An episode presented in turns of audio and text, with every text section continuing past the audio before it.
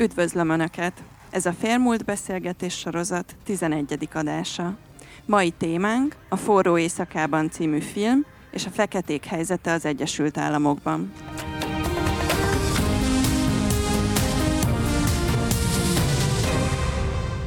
Mai vendégeink pedig megadja Gábor eszmetörténész, a Kontra.hu főszerkesztője, és Pár Ádám történész politológus, a Méltányosság Politika Elemző Intézetnek az elemzője. Köszönöm szépen, hogy elfogadták, elfogadtátok a meghívásunkat. És ugye, ahogy a trailerből is láthattuk, ennek a filmnek a középpontjában a Sidney Poitier által alakított karakter áll, aki átutazóban van egy déli államban, Mississippi államban, és itt egy gyilkossági ügy, ügy történik, amiért rögtön őt vádolják meg, majd kiderül, hogy ő maga is rendőrnyomozó, és ő lesz a nyomozásnak a központi alakja, és annak a megoldója. És ugye a film az nagyon jól bemutatja azt a feszültséget, ami a feketék kell kapcsolatban délen a 60-as években még nagyon is érzékelhető volt, és azt a diszkriminációt, ami ott érvényesült, de már a film készítési körülményei is árulkodóak, hogy pont a feldolgozott téma miatt úgy gondolták, hogy ez nem lesz jelentős bevétel, hogy Sidney Poitier kérésére nem is forgattak sok jelenetet délen, szinte kivétel nélkül éjszakon forgattak a korábbi rossz tapasztalatai miatt, de az egyik déli forgatásnál pedig az első száll szálloda, amiben ment volna a stáb, ott csak fehéreket szállásoltak volna. Tehát azért ezek is árulkodó részletek, és hogyha egy kicsit általános kérdéssel indíthatok, akkor mi az oka annak, hogy az Egyesült Államokban, aminek ugye az alkotmánya is leszögezi, hogy minden ember egyenlő, és a demokrácia, illetve a liberális szabadságjogok, hát felegvárának szoktunk rá tekinteni. Még az 1960-as években is, hát a most elmondott példák mellett még számtalan más lehetne hozni, ilyen jellegű diszkrimináció érvényesült. Mivel magyarázható ez, és feloldható ez az ellentmondás valahogy? Ádám? Először is köszöntök mindenkit a mai estén.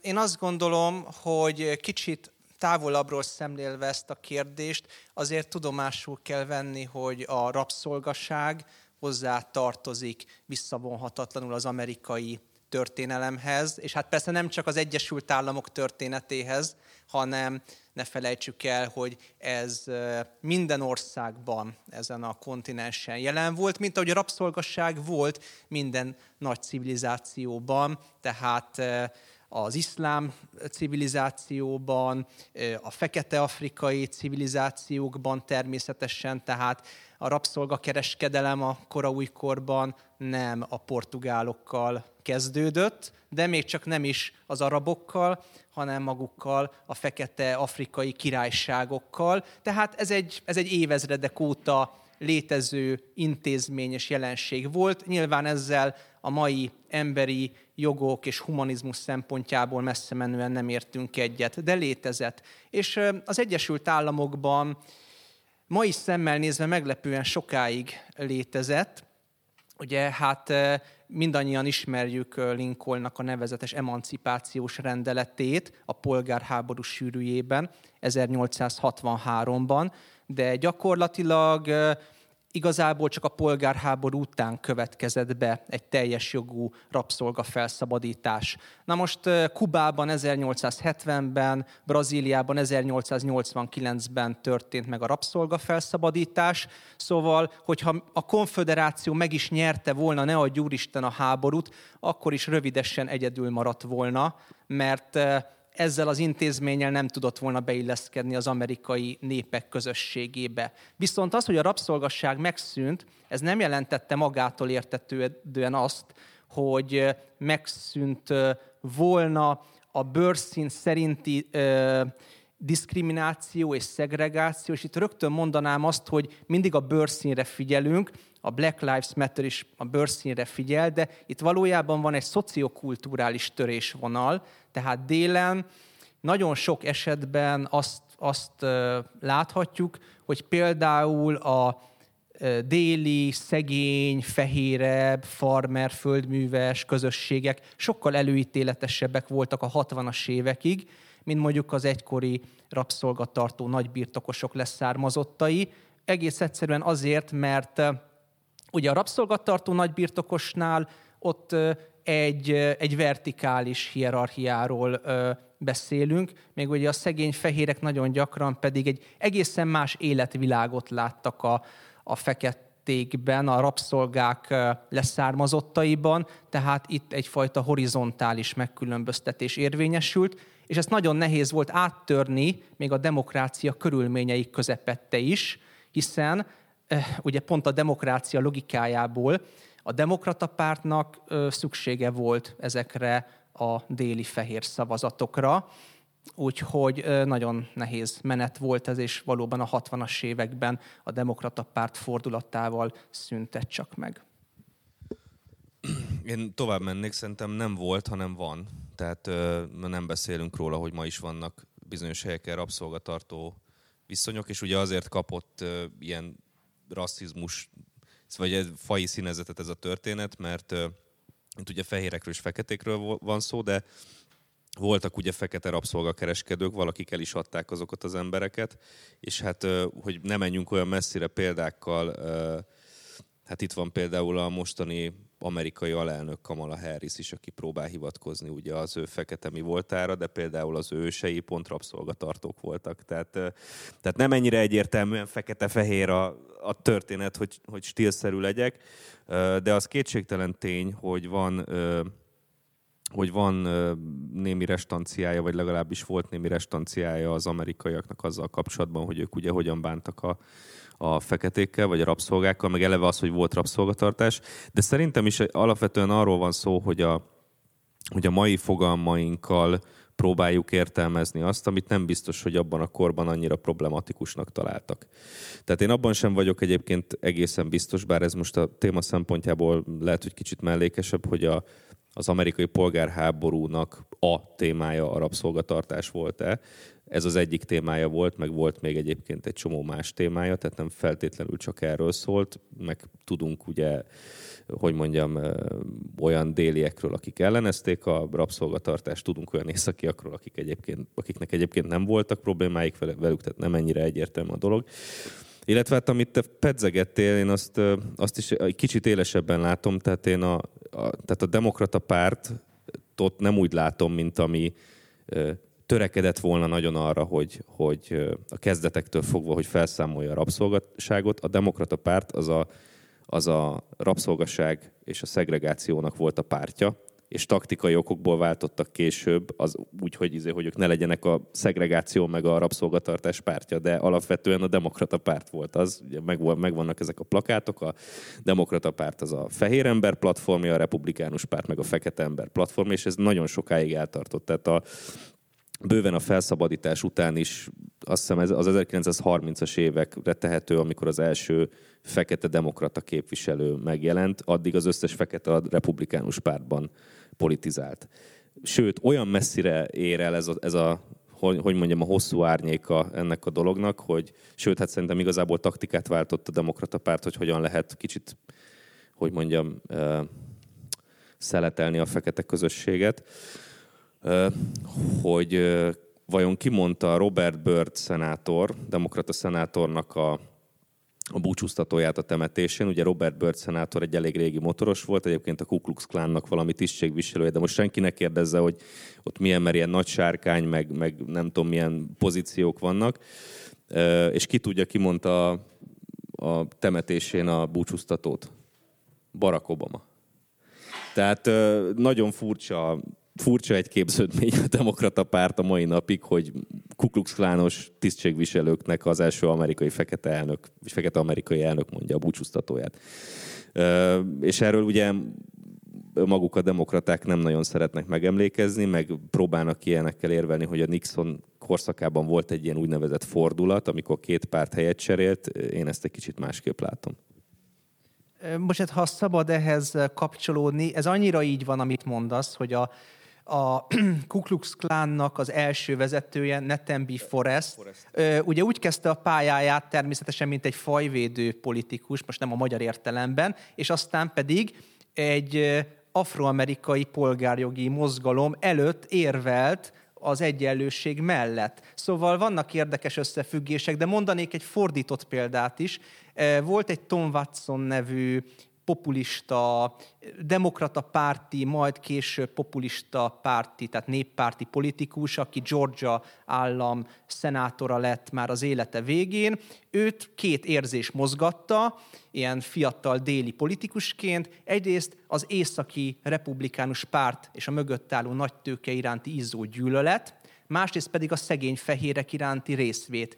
Na de feltette a kérdést, hogy hogyan lehet többséget szerezni. Hát úgy gondolta, hogy meg kell nyerni a fekete szavazókat, és ő demokrataként tette erre kísérletet, illetve populistaként, de aztán, mikor rájött, hogy széllel szemben nem lehet, akkor váltott egy nagyot, és 1915-ben ott feszengett a fehér csukja alatt. Ő, mint afroamerikai barát, egyébként a második lám megalapításánál. Tehát ez az általad mondott példa ezekre az érdekes személyi meg eszmei összefüggésekre és kuszasságokra, ez nem, nem egyedüli az amerikai politikában. Még egy érdekes epizódot hozzáfűznék, mert a, a magyar, magyar, magyarok találkozása az amerikai politikával történetileg, ugye mondjuk azt, hogy nem az első, de mondjuk az első legfontosabb az az, hogy a az amerikaiak beléptek ugye az első világháborúba, és a a Woodrow Wilson volt az az elnök, aki demokrata politikusként először vetített filmet a Fehérházban, és ez a, ez a film, ez a Birth of a Nation volt, ami ugye a Ku Klux Klan dicső történetéről szól, egy ilyen dráma, egy ilyen, az akkori viszonyoknak megfelelően egyébként egy nagyon profi dramaturgiával megcsinált film volt, de hát ez volt az akkori demokrata elnök még az első világháború idején is, aki, aki a Ku Klux Klan méltatásáról nézett filmet. Tehát ez nagyon mélyen ott van a demokrata pártnak a történetében.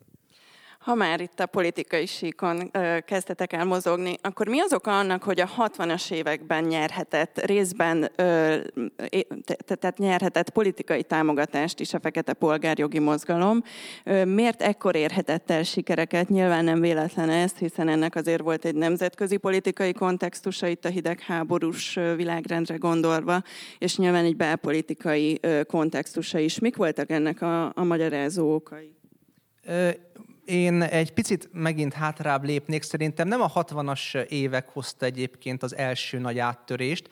Az első nagy áttörés az első világháború után, illetve pont a háború miatt következett be, amikor fekete katonák, illetve hát színes katonák eljutottak Európába, és vannak visszaemlékezések, meg levelek, hogy leszállnak az amerikai fekete katonák a hajókról, és barna meg szőke francia lányok rohannak oda hozzájuk, és ölelgetik őket, és meg vannak döbbenve, hogy nincsen szegregáció, itt nem félnek a fehér nők a, a feketéktől. És akkor ugye észreveszik, észreveszik, hogy a franciák oldalán is vannak fekete katonák, és hát kiderül így beszélgetésből, hogy ezek a szerencsétlen fiúk, ezek valahonnan Afrikából, a sárkunyhóból érkeznek a Notre Dame-nak a, az oldalába. Tehát hozzájuk képest ők, akik Amerikából jönnek, majd, hogy nem hercegek. És, és ők nem barátkozhatnak a tisztjeik parancsára, vagy a tisztjeik parancsa miatt mondjuk fehér nőkkel, azok meg igen. Tehát egy világ omlik össze bennük, és akkor vannak ilyen levelek, hogy írja haza a fiú, hogy van neki most itt egy fehér barátnője, és odahaza meg rémülten olvassák a, a fekete mamák, hogy úristen, megbolondult a fiam, hát a klánnak a pénze meg tőre elér még Európába is. És ugye nyilván ezek a fiúk, mikor hazajönnek, akkor már sokkal öntudatosabban térnek haza, már nem hagyják magukat.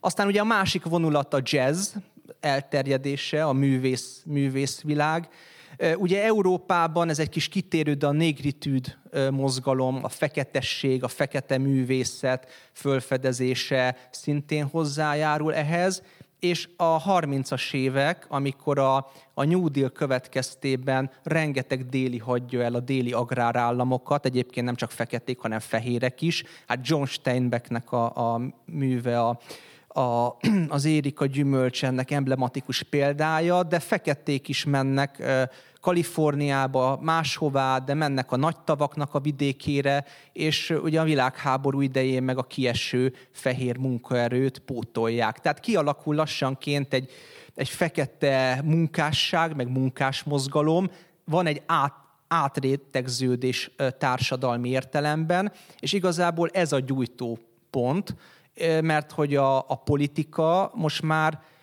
nem ilyen agrárállamokban élő, szétszórt falusi közösségekkel szembesül, mikor feketékre gondol, hanem hatalmas nagy tömbökben élnek. És ugye aztán ehhez jön ugye 50-es években, hát tudjuk nagyon jól, Rosa Parksnak a a ö, Alabama állambeli Montgomery-ben az akciója, amikor nem hajlandó a busztársaságon egy fehér férfinak helyet adni és elmenni a busz végébe. Szóval mindezek a folyamatok így egymásra rakódva, egymásra épülve, de még mondhatnánk számtalan, számtalan irányt, fekete liberalizmustól kezdve fekete anarchizmusig, de most nem akarok ebben mélyen belemenni. De a lényeg az, hogy sok szálú ez a mozgalom, tehát Martin Luther King, ami meg Malcolm X, ezek a figurák, ezek, ezek mindig így fölbukkannak a habokból, de hogy volt ennek már egy előzménye. És a 60-as években, ami újdonság, az szerintem két dolog. Egyrészt a Martin Luther King féle baloldali irányultságú ö, mozgalom, a Gandhi féle erőszakmentes meg Tolstoy féle erőszakmentes elvekkel. A másik meg pont ennek az ellenkezője, ugye van egy fekete radikalizmus, például Malcolm X, de mondhatnánk marxista retorikával a fekete párducokat, úgyhogy ez egy eléggé vegyes mozgalom, és hát az ellenfél az úgymond közös ez a fai szegregációs politika. Azt annyira más volt a logika, ugye ezt nehéz megérteni egyébként, hogy miért kellett ahhoz idő, hogy megkérdőjelez, megkérdőjeleződjenek ezek a viszonyok, de de a helyzet abszurdját az, az mutatja, hogy miközben nálunk ugye ilyen szovjet propaganda hatására így, ha azt halljuk, hogy fasiszta, akkor megjelenik előttünk a náci képe, hogy elég valószínű, hogy mondjuk a fasiszta Olaszországban, különösen a korai időszakban senkit nem döbbentett meg, hogyha egy kávézóban ott kevergette a kávéját egy fekete ember, de ehhez képest meg ugye az Egyesült Államokban meg szegregáció volt. Szóval én, én, én szerintem, a, amit te mondtál az a, a múltkor, hogy a, vagy az előbb, hogy ez a fehér munkások, fekete munkások ilyen horizontális konfliktus, annak volt egy, egy olyan oldala is, ami viszont szerintem közelebb hozhatta őket, és ezt a jazz, jazzhez, nem csak a jazzhez kötődik, hanem a, a Jim Crow figurájához, ami ugye, amiről a törvényeket is elnevezték, a Jim Crow törvényeket. Én most a műfajt meg nem mondom, hogy mi volt ez a műfaj, amiben ezt a figurát éltett. Ez ilyen, ilyen zenés, ilyen Voltak ezek komikus. a to, úgynevezett Tom Show-k. Igen, igen, és, és, a, és ez a Jim Crow figura, ez, ezt aztán ráhúzták a Jim Crow törvényekre, de valójában, valójában egy olyan kicsit parodisztikus figura volt, aki, amelyikkel tudtak egyébként azonosulni valamilyen módon a szegény fehérek, meg a, meg a szegény feketék is az összefoltozott cuccokkal, meg egyebekkel, és ott, ott is volt már egy kis kvázi közeledés. A filmben egyébként, hogy visszautaljak rá, szerintem az nagyon jól mutatkozik meg, hogy ugye a, a rendőrparancsnok hogyan, tehát hogy mondjam, nem azt mondom, hogy könnyen veszi az akadályokat ebbe, hogy ne legyenek neki előítéletek, de az első pillanattól kezdve érezhető az, hogy ő, őt inkább az érdekli, hogy mit tud hozzáadni a nyomozáshoz a, a fickó, és nem az, hogy ő fekete. Tehát, tehát és, és valószínűleg ez volt az a logikai lépés, amit ahogy egyébként a filmben is meg kellett tennie sok embernek, vagy, vagy meg kellett ugrania, úgy valószínűleg egy egész társadalomnak meg kellett egy kellett idő ahhoz, hogy ezt megugorják, és azért jutott el odáig a történet. Hogy egy kicsit besingeljen még a demokratákat, ahol 64-ben volt a, ha jól emlékszem, a Civil Rights Act, és még azt is meg akarták akadályozni, tehát 1964-ben is akadályozták a Civil Rights Act-et. A televíziónak milyen szerepe volt a polgárjogi mozgalom sikerében? Ugye ekkorra már a 60-as évekre nagyon elterjedt volt a, a televízió, szinte minden háztartásban volt, és ezt mennyire tudták eszközként használni, tehát azt, hogy a képsorokat vetítettek ugye a különböző tüntetésekről, a rendőri erőszakról, ez a nyomásgyakorlásnak mennyire volt jelentős eszköze ebben az időszakban? Ez egy tudatosan használt eszköz volt a, a polgárjogi mozgalom részéről? Hát abban nem vagyok biztos, hogy ez, ez tudatos lett volna az ő részükről, de az, hogy a média részéről volt egy tudatosság, hogy a nagy tömegjeleneteket fotózni és behozni egyébként nem csak a polgárjogi mozgalmakat, hanem mondjuk a vietnámi háborút is az átlag embereknek a, a hétköznapi szférájába. Ugye ne felejtsük el, hogy a televíziónak a reneszánsza pont az Egyesült Államokban a vietnámi háborúra esik, és az, hogy az, hogy volt egy háború ellenes mozgalom, abban például a médiának abszolút szerepe volt, tehát ilyen értelemben, ilyen értelemben van egy összefüggés, mert ugye, ahogyan a Komornyik című filmben is elhangzik, hogy a Vietkong soraiból nem neveznek minket niggernek, és, és egyébként is minek halljunk meg egy országért, ami nem szeret minket, stb. stb. Tehát én itt látok egy, egy ilyen mm, kereszteződés, vagy keresztmetszetet. Egyébként a mozinak volt nagyon nagy hatása, tehát 1965-ben elcsattant az első fekete-fehér csóka filmvásznon. 1967-ben ugye elcsattant az első fekete detektív által adott ütés, egy, egy fehér polgár, hát nem egy tisztes fehér polgár persze arcán, de ugye ne felejtsük el, hogy itt az egy detektív üt meg egy, egy fehér bűnelkövetőt. Persze ez is egyébként kiakasztotta mm, délen a közönséget, és hát nem csak délen, hanem északon is, mert ahogy te nagyon helyesen mondtad, volt bőven előítélet északi városokban is, sőt, tehát, hogy, hogy szépen lassan a nézők szembesültek azzal, hogy fekete szereplők különböző karakterekben megjelennek, és hát igen, a, amikor a televíziózás már elterjed, és már riválisa lesz a mozinak, akkor a 70-es években megjelenik az első afroamerikai családról szóló ö, ilyen tele, televíziós ö, ö, sorozat, szappanopera, ö, tehát hogy az afroamerikai család az egy ugyanolyan átlagos, ugyanolyan hétköznapi, mint a fehér család, azt elkezdik hangsúlyozni, és aztán a folyamatnak a vége, amikor megjelennek tényleg a, a fekete elnökök a filmvásznón, a fekete bírák. Mm, egyébként Sidney Poitier azért, azért nagyon jelentős, mert ő hozza be a fekete karakterek közé az az az elegáns, ilyen fekete úriembernek a képét, és ez kicsit, e, kicsit ellentéte volt ugye a feketékről való sztereotípiának. Mert általában a feketékre a, a déli fehérek úgy gondoltak, mint ez a, ez a Buck-szerű figura, ez, a, ez az ilyen bumfordi, állandóan állandóan fehér, nőkre leső és, kicsit, és agresszív figura, ezt nevezték Bucknak. Na most ezzel ugye Sidney Poitier figurája szakított, és aztán ezután a film után tömegesen lépnek fel olyan, olyan fekete karakterek a filmvásznon, akik kulturáltságban, illemben, hát teljes egészében az átlagos polgárt testesítik meg hozzáteszem, hogy ez nem, nem mindenkinek tetszett az afroamerikaiak közül, mert volt egy olyan irányzat, amelyik meg pont azt mondta, hogy de, nyomni kell a sztereotípiákat, mert az ad nekünk büszkeséget, ez egy ellentársadalmat épít fel, stb. Ez a Black Exploitation-nek a műfaja, amelynek a akciófilmjeiben ugye fekete hősök szerepeltek, és ugye halomra lőtték a fehér rossz fiúkat. Mm, most erre azt mondjuk, hogy fú, de véres. Na most mennyivel, mennyivel kevésbé, vagy mennyivel inkább szofisztikált Rambónak a figurája, aki szintén ugyanezt teszi, ugye. Egyébként személyes véleményem, hogy ezek a, ezek a mesehősök, mert ezek azok, többet tettek az amerikai társadalom frusztráltságának a földolgozásáért, mint 20 darab sűrűn szedett, lábjegyzetelt akadémiai értekezés, meg tíz filozófiai traktátus, tehát nem nézném le ezeket sem.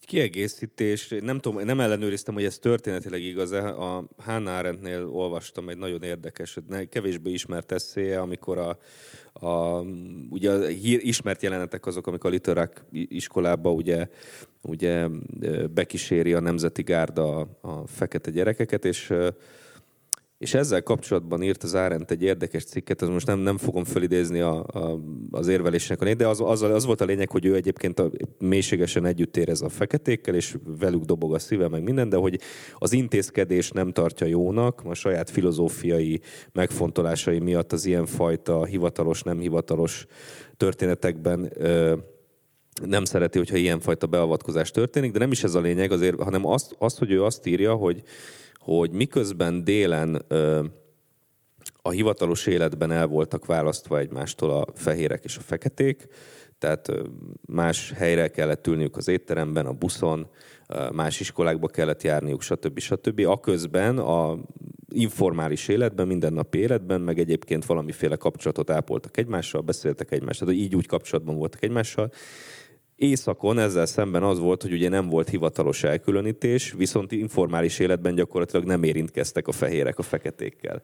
De mindegy, ez csak egy ilyen ellentmondás, ami hozzátartozik ahhoz, hogy természetesen gondolom senki nem érvel a, a rabszolgasság vagy a szegregáció mellett, de hogy nem annyira egyszerű ez a kép, hogy északon minden rendben volt, amúgy délen meg semmi nem stimmelt. Csatlakozva kicsit Ádámhoz, ha már a Komonyik című filmet említetted, ugye abban egy jelenetben pont egy ö, családon belül, ahol egyébként is éles politikai konfliktus van azzal kapcsolatban, hogy milyen stratégiát kell követnie feketeként ö, egy embernek. Ö, kibontakozik egy vita magáról erről a filmről, a, a, az In the Heat of the Night-ról, hogy vajon Sidney Poitier karaktere, ugye a radikális vonalat képviselő fiú azt mondja, hogy ez igazából a fehér emberek fantáziája, feketékről, amit itt ő eljátszik, és ez igazából egy idealizált kép a feketékről, miközben a szülei generációja meg azt mondja, hogy ez fantasztikus volt, és mennyit tesz ez az afroamerikai közösségért. Mit gondoltok erről a dilemmáról, vagy kritikáról? Hát ugye ez, ez a kritika reflektál arra, amit, a, amit az előbb említettem, hogy volt egy olyan ellenkultúra, amelyik meg pont pont az, az által lázadt, hogy nagyon ráment erre a, erre a igen, fekete, macsó, férfias, bőrcsek is, adott esetben fegyvert fogó karakterre, és hát ez is a mozgó képre költözött, készültek afrowesternek, meg hát a Django elszabadult című filmet is említhetnénk, mint ennek a karakternek a jó példáját Mm, és ugye a másik végletet meg ezt képviseli. Igazából nem lehet, meg szerintem nem is érdemes ebben igazságot tenni, mert mind a kettőnek megvan a maga létjogosultsága, kontextustól függően. Nekem speciál, hogy ne áruljak zsákba macskát, szimpatikusabb ez, de el tudom fogadni azt, hogy, hogy az érzelmek feldolgozásában, a düh ö, konstruktív megélésében annak is van, van ö, szerepe. Tehát ö, ez, ez kicsit olyan vita, mint amikor állandóan vitatkoznak azon, hogy most a tenkes kapitánya hogyan ábrázolja a labancokat, hogy most a gügyének ábrázolja, és miért, mikor voltak kiváló pálfi Jánosok. De nem erről, de nem erről szól a történet, nyilvánvaló módon. Most nem az a lényeg ott, hanem az a lényeg, hogy egy, egy szerethető népi hőst jelenített meg, most ennyi erővel beleköthetnénk Nils Holger zomba is, hogy törpék már pedig nem léteznek, meg Don Quixote-ba, hogy a spanyol lovagok nem voltak olyan nemesek, ezek, ezek ilyen nemzeti identitásokat megfogalmazó hősök, ugyanúgy, ahogy a Buck is, meg a Sidney Poitier is a maga módján, tehát nem kell ebben igazságot tenni szerintem. Hát arról nem is beszélve, hogy szerintem mind, tehát hogy ezek nyilván kihegyezett karakterek, és mind a kettő létezik, de nem csak a fekete közösségben, hanem a fehérek között is. Tehát a rednekek vagy a white trash az ugyanúgy létezik, mint a csokornyakkendős ültetvényes, meg úriember, stb. Tehát ez, ez, ezek, ez még csak nem is fekete-fehér történet, mert ugyanúgy lehetne akár az amerikai fehérek között is egy vita, hogy most mi reprezentál minket jobban a, a white trash, vagy a, vagy a, vagy a jól szituált fehér mintapolgár. Ez a kérdés nagyban leképeződött a, a mozgalmon belüli különböző stratégiákban is. Egy kicsit beszéljünk arról, ugye itt már említettétek, meg a, a plakáton is Martin Luther King alakja szerepel, aki azt hiszem, hogy a legismertebb figurája a polgárjogi mozgalomnak. De ugye az is említésre került már, hogy mellette még számos más főszereplő, illetve számos más irányzat is megjelent. Mi volt köztük a stratégiai törésvonal? Mi volt az, ami elválasztotta ezeket a mozgalmakat? Hát én úgy látom, hogy a kezdet-kezdetén ugye volt egy olyan törésvonal, ami a fekete liberálisokat osztotta meg. Az egyik irányzat azt mondta, ezt Booker T. Washington mondta, hogy az önművelésre, a fekete középosztály kiművelésére kell törekedni. A másikat egy Dubois nevű szociológus mondta, aki azt mondta, hogy nem, hanem harcolni kell az egyenlő jogokért aktívan. Aztán ugye a 60-as években lett egy, egy fekete radikális irányzat, amelyik, amelyik egy ellentársadalmat hirdetett. Aztán ugye volt a Martin Luther King féle baloldali inspirációjú mozgalom, amelyik egyébként széles tömegeket akart átfogni, nem csak feketéket, és valahol mondjuk a fekete párducok meg egy középutat képviselnek, mert ők radikálisak voltak, de, de ők nem az, nem az ellen kultúrát, az elzárkózás kultúráját hirdették, hanem ők pont meg akarták dönteni a rendszert, szóval besimulni a rendszerbe, megdönteni a rendszert, vagy pedig a rendszeren belül elzárkózni, meg egy negyedik út, hogy egy fekete kapitalizmust építeni. De nagyjából ezeket látom a 60-as években. Szóval az a helyzet, hogy a, érdemes megnézni a furcsa szövetségkötéseket is, mert csak így említés szintjén merült fel a Malcolm X, aki egyébként ő ugye a radikálisokat képviselte, sőt, hogyha jól emlékszem, kvázi a teljes elkülönülést, vagy a Menjünk vissza Afrikába című történetet, és ez ugye összevegyült az iszlámmal, tehát vannak elég érdekes egybeesések, és hát a Malcolm X-nek volt egy ilyen párja, akivel kölcsönösen, ilyen kölcsönös tisztelettel viseltettek egymás iránt, és ez nem volt más, mint a Lincoln Rockwell Jr., az amerikai náci pártnak a vezetője. Tehát ilyesmivel nem lehetne mondjuk a Martin Luther Kinget vádolni, bár egyébként nála is van egy csomó kérdés, hogy valójában egyébként kommunista volt-e, meg hogy követette el nemi erőszakot, meg szóval csomó probléma fölmerül vele kapcsolatban, de de az ő üzenete legalábbis, amit közvetített, az az volt, hogy bőrszínre való tekintet nélkül mindenkit ugyanúgy ítéljenek meg. Tehát ez nevezhető azért mégiscsak egy ilyen mérsékelt alapállásnak. Ehhez képest a Malcolm X meg, én mondom, ilyen kölcsönös respektel volt az amerikai náci párt vezetőjének. Végül is úgy voltak vele, hogy hát gyerekek igazából mindketten ugyanazt akarjuk, nem? Tehát különüljünk el, fehérek a fehérek között, feketék a feketék között, feketék vissza Afrikába. Tehát furcsa, furcsa párosításokat alkotnak ezek a mozgalmak. A 60-as években ez a jogi értelemben vett diszkrimináció megszűnt, ahogy azt szintén említettétek, és szerintem magyar szempontból, vagy Magyarországról nézve legközelebb az, hogy a, a fai kérdés ennyire exponálva lett az Egyesült Államokban, az 2020-ban lett teljesen nyilvánvaló és egyértelmű. De nyilván a két pont között azért történt egy csomó dolog, amire nem feltétlenül látunk rá mélységében. Egy kicsit beszélnétek arról, hogy a jogi egyenlőség elérését követően ez valódi egyenlőséget jelentette, és mi volt az a feszültség, ami igazából 2020-ban ugye George Floyd halálát követően felszínre tört, és aztán majd a Black Lives Matter mozgalomról is beszélnénk, de hogy azért annak mik voltak az előzményei, mi vezetett odáig? Hát azt hiszem, hogy talán Gábornak ebben nagyobb rálátással rendelkezik, de amennyire én látom, itt volt egy sikeres integráció jogi értelemben, ugyanakkor viszont van két kardinális probléma, az egyik a szociális kérdés, a másik pedig az emlékezett politika, és ezek az Egyesült Államokban eléggé erőteljesen hát nem, a, nem az afroamerikaiak felé lejtettek, ha bár kialakult egy afroamerikai középosztály, hogy az egyharmadát szokták így belőni, hogy középosztálybeli szinten él, de azért nagyon sok hátrányos helyzet lakáspolitikában megmaradt. Ráadásul Bill, Clinton mm, nem teljesen tért vissza a New Deal politikához, hanem azért rendesen megkurtították a szociális segély, segélyezést, a workfare munkaalapú szociálpolitika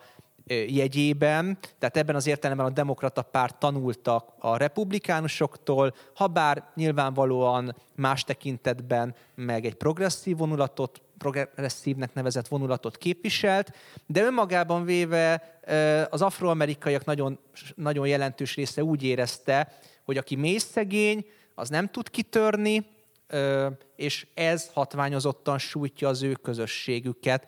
Na most ugye a Los Angeles-i lázadás idején, a 90-es évek elején derült ki, hogy ugye nem csak, a, nem csak a fehérek és feketék között van probléma, hanem például az ázsiaiak és a feketék között is. Tehát, hogy mindig ott volt ez a probléma időzített bombaként, mindig volt olyan, hogy rendőr megállított egy fekete fiatalt, és valami véletlenség, véletlen félreértés történt, vagy rossz mozdulatot tett, és, és ö, ö, halálos áldozat lett az eredménye, de úgy látszik, hogy, hogy, hogy itt a Barack Obama elnöksége, Donald Trump elnöksége volt egy olyan időszak, amikor, amikor ez a bomba robbant, mert a szociális feszültségek azok összeértek. Én úgy érzem, hogy hogy amire szoktak hivatkozni a baloldali aktivisták, meg, meg, meg baloldali politikai erők az Egyesült Államokban és máshogy is, hogy, hogy az Egyesült Államokban strukturális rasszizmus van, szerintem ez nem igaz. Tehát szerintem valójában nagyítóval kell keresni azokat az eseteket, amikor valóban arról van szó, hogy mondjuk fehér rendfenntartó azért viselkedik erőszakosan egy fekete bűnelkövetővel, mert az fekete. Már csak azért is, mert év, vagy évtizedek óta ki van élezve a média ezekre az esetekre. Én szerintem inkább különleges óvatossággal bánnak az ilyen történetekkel. Én azt hiszem, hogy az olyan mozgalmak, mint a Black Lives Matter, meg, meg a, meg a e, mai meg strukturális rasszizmust igazoló, feketéket elnyomó rendszerről szóló történetek, azok azok igen gazdagon pénzzel ellátott, fe, ilyen felhajtott, felturbózott mozgalmak. Tehát én, én, én mondjuk az, hogy milyen konfliktusok vannak az egyes kisebbségek között, én most eszembe jutott egy történet, amikor 2010-es évek elején Kaliforniában sétáltam a tengerparton, és egy ilyen szónokló fekete a kezembe nyomott egy antiszemita szórólapot, mondtam, hogy hát érdekes, érdekes törésvonalak lehetnek még itt az amerikai társadalomban. Na mindegy, ez csak egy mellékes megjegyzés. Szóval én azt hiszem, hogy, hogy ezek a, a George Floyd esete is, vagy egyébként a Black Lives Matter az ugye nem Trumpal indult, meg nem 2020-ban, hanem 2014-ben volt, ha jól emlékszem, a Fergusoni eset, ami valami hasonló történet volt. És ugye itt alapvetően a probléma az, és ez ténylegesen egy probléma, hogy a, a bűnelkövetők között jelentős többségben vannak a feketék. Tehát amikor úgymond több feketét vegzálnak a rendőrök, az nem azért van, mert ők a feketéket akarják vegzálni, hanem eleve több fekete bűnelkövető van, és arra reflektálni kéne, hogy miért van több fekete bűnelkövető. És akkor erre, tehát pont, a, pont a baloldal próbálja ezt kihegyezni arról, hogy ez egy rasszizmus probléma, meg megfosztottság, meg depriváltság, stb. De például ebben komoly része van annak, hogy, hogy mondjuk a fekete lakosságban a, az emberek jelentős többsége azt se tudja, hogy ki az apja. Tehát, hogy mondjuk a feketék többsége apa nélkül nő fel. Ez nem egy rasszügyi probléma, hanem ez valóban egy szociális probléma. Az más kérdés, hogy ezt hogyan kéne kezelni. De hogy itt valóban strukturális okok vannak, amik visszavezethetőek szociális helyzetre, a szocializációs helyzetre, hogy hogyan nőnek föl a feketék de én nem hiszem, hogy ez arra vezethető vissza, hogy itt előítéletek vannak. Nem azért lesz több fekete, fekete bűnöző, mert az amerikaiak többsége rasszista, hanem itt más okokat kell keresni. Ádám, ezzel egyetértesz? Mert ugye ez az egyik fő állítása a Black Lives Matter-nek, hogy, hogy mindenhol, még hogyha ki nem mondott, tehát nem is explicite, de, de a struktúrák tekintetében rasszizmus van. Hát azt hiszem, hogy van egy félreértés Magyarországon. Szerintem Magyarországról nézve az Egyesült Államok a társadalmát nagyon hajlamosak vagyunk úgy kezelni, hogy hát igen, igen, igen, van egy, van egy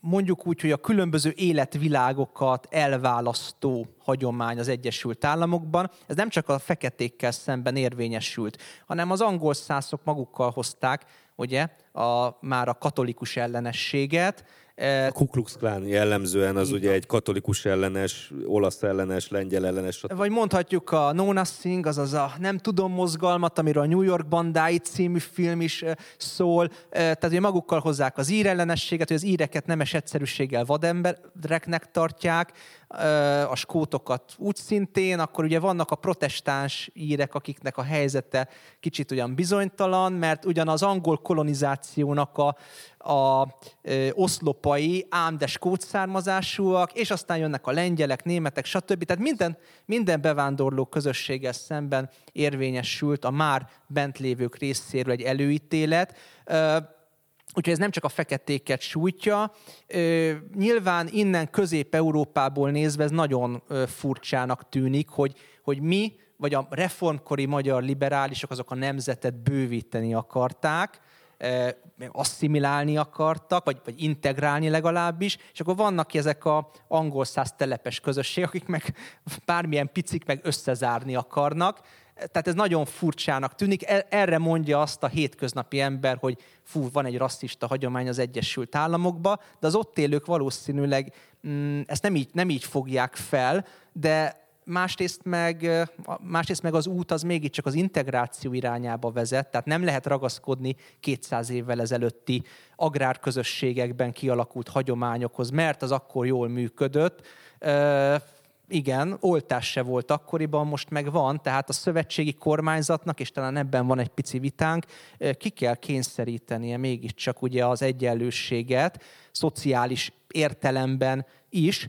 Hát ugye az emlékezett politika meg egy más tészta, ott, ott jelen pillanatban én úgy gondolom, hogy az emlékezett politikában a Black Lives Matter nagyon rossz úton jár, ezekkel a szobor döntésekkel, mert ezek a szobrok már régen nem arról szólnak, hogy hogy az illető rabszolgát tartott, hanem egyes közösségek emlékezeti helyei. Ebben meg nekik kell engedni szerintem. Hát szerintem a Black Lives Matter az teljesen egyértelműen ennek a marxista, radikális marxista vonalnak a, a, az örökségét viszi tovább, annak a logikáját képviseli, a vezetői el is ismerik egyébként, hogy ők gyakorlatilag marxisták, tehát hogy abban nincsen meglepetés. Én szerintem nem az a kérdés, hogy van-e feladata az amerikai szövetségi kormányzatnak, vagy úgy általában a kormányzatnak a feketék helyzetének a javításában, az a kérdés, hogy mi.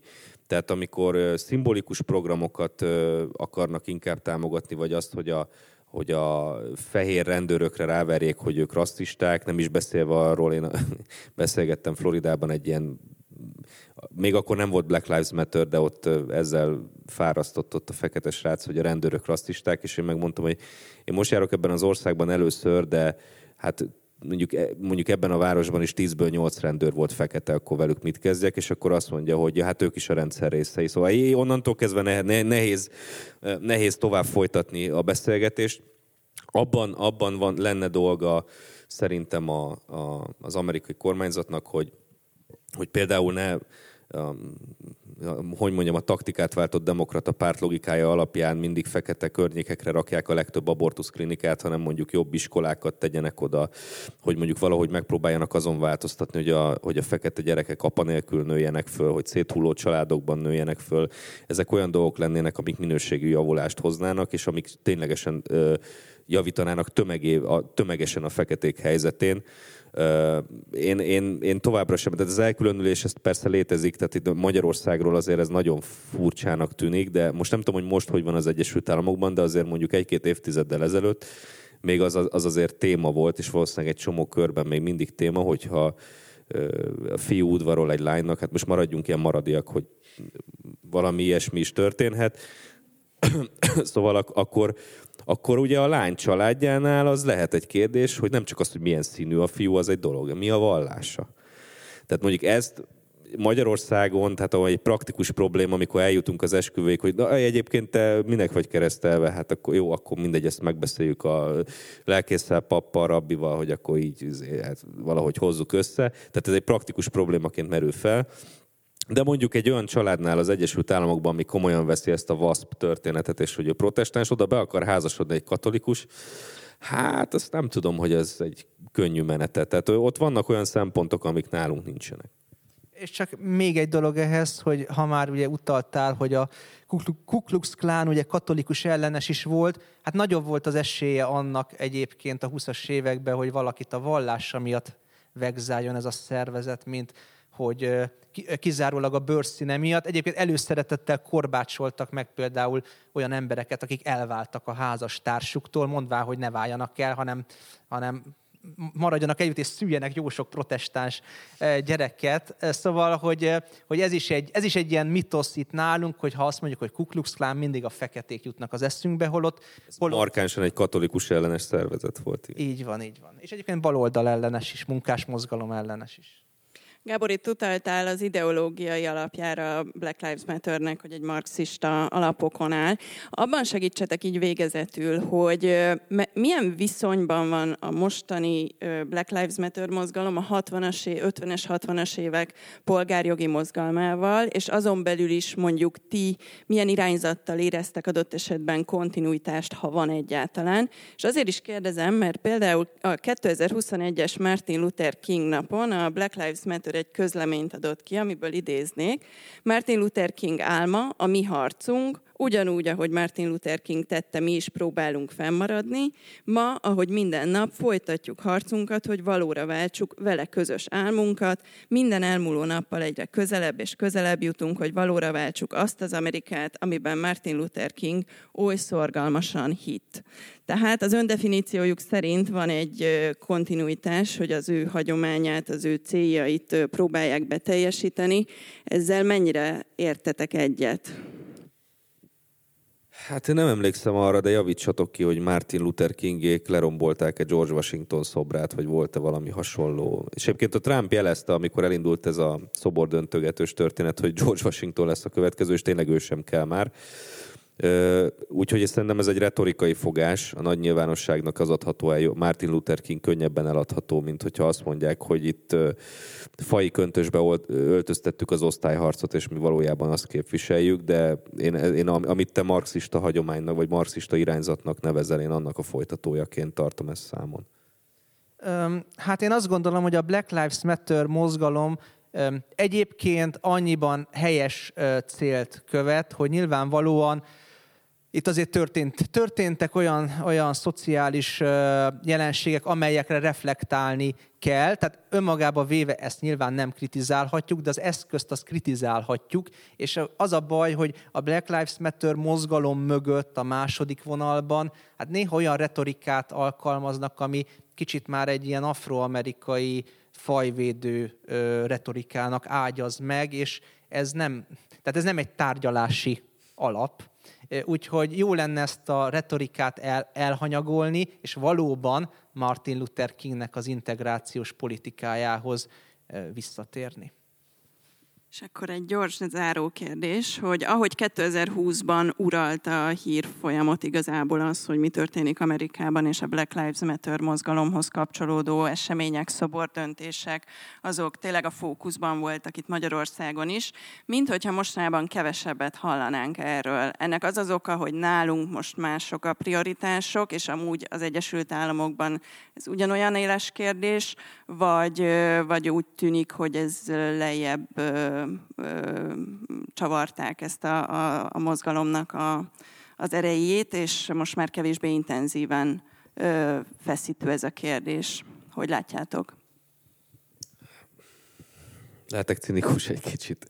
A finanszírozóknak, támogatóknak és stb. új ügyeik lettek. Tehát én nem tudom, nem látom, hogy nem tudom, hogy Amerikában egyébként ez még ugyanúgy fel van, én úgy látom, hogy nem, tehát most nem, nem fő téma a Black Lives Matter, hát volt itt egy Covid, egy ideig az volt a fő témájuk, most meg van egy háború, most az a fő témájuk. De legalább ideiglenesen egyébként ez a tényleges, hogy mondjam, tényleges viszonyok konfliktusban vagy feszült viszonyokban megjelenő történet egy, legalább egy ideig felül tudott kerekedni mondjuk az LMBTQI, a nem tudom milyen mozgalom problémái fölött. Tehát nagyobb tömegeket tudott megmozgatni, de én szerintem itt arról van szó, hogy új ügyeik lettek, és most kevésbé volt fontos ez a történet. Egyetértek azzal, hogy új ügyek jelentek meg, tehát most tényleg a Covid, az Egyesült Államok társadalmát eléggé megrázta, rámutatott az egészségügyi rendszer anomáliáira, és még nagyon sok mindenre, a szövetségi kormányzat iránti bizalomvesztésre, és így tovább, ugye itt a háború, tehát most valóban háttérbe szorultak ezek a emlékezett politikai ügyek, az, mármint a szobor, szobroknak az ügye, de én attól tartok, hogy azért ez, ez csak egy átmeneti tűzszünet, tehát biztos vagyok benne, hogy hamarosan szintén lesznek hasonlók. Egyébként egy nagyon érdekes téma lenne, csak arra már nincsen idő, hogy miért van az, hogy Brazíliában viszont nem látunk Black Lives Matter mozgalmat, hogy ennek, ennek van egy esetleg egy kulturális oka, hogy ennyivel lazább az a társadalom, vagy mi az oka, de ez már egy másik beszélgetés lenne nyilván, hogy Izaura hazájában miért nincsen, ami Tamás bátya hazájában van. Úgyhogy hát ennyit tudok mondani. Azt, hittem, hogy a, azt hiszem, hogy a Seattle-i tanácsköztársasággal egy kicsit csúcsra járatták ezt a programot, szóval lehet, hogy meg kell pihenni egy kicsit, és majd akkor utána újra. Itt kell lezárnunk ezt a beszélgetést. Természetesen azok számára, akik személyesen követték, még lesz lehetőség kérdezni, hogyha valami felmerült. Remélem, hogy kedvet csináltunk a film megnézéséhez. Nagyon szépen köszönöm a vendégeinknek, hogy beszélgettek a filmről. Önöknek pedig a figyelmet, kövessék legközelebb is a félmúltat, és várjuk Önöket legközelebb is. Viszontlátásra!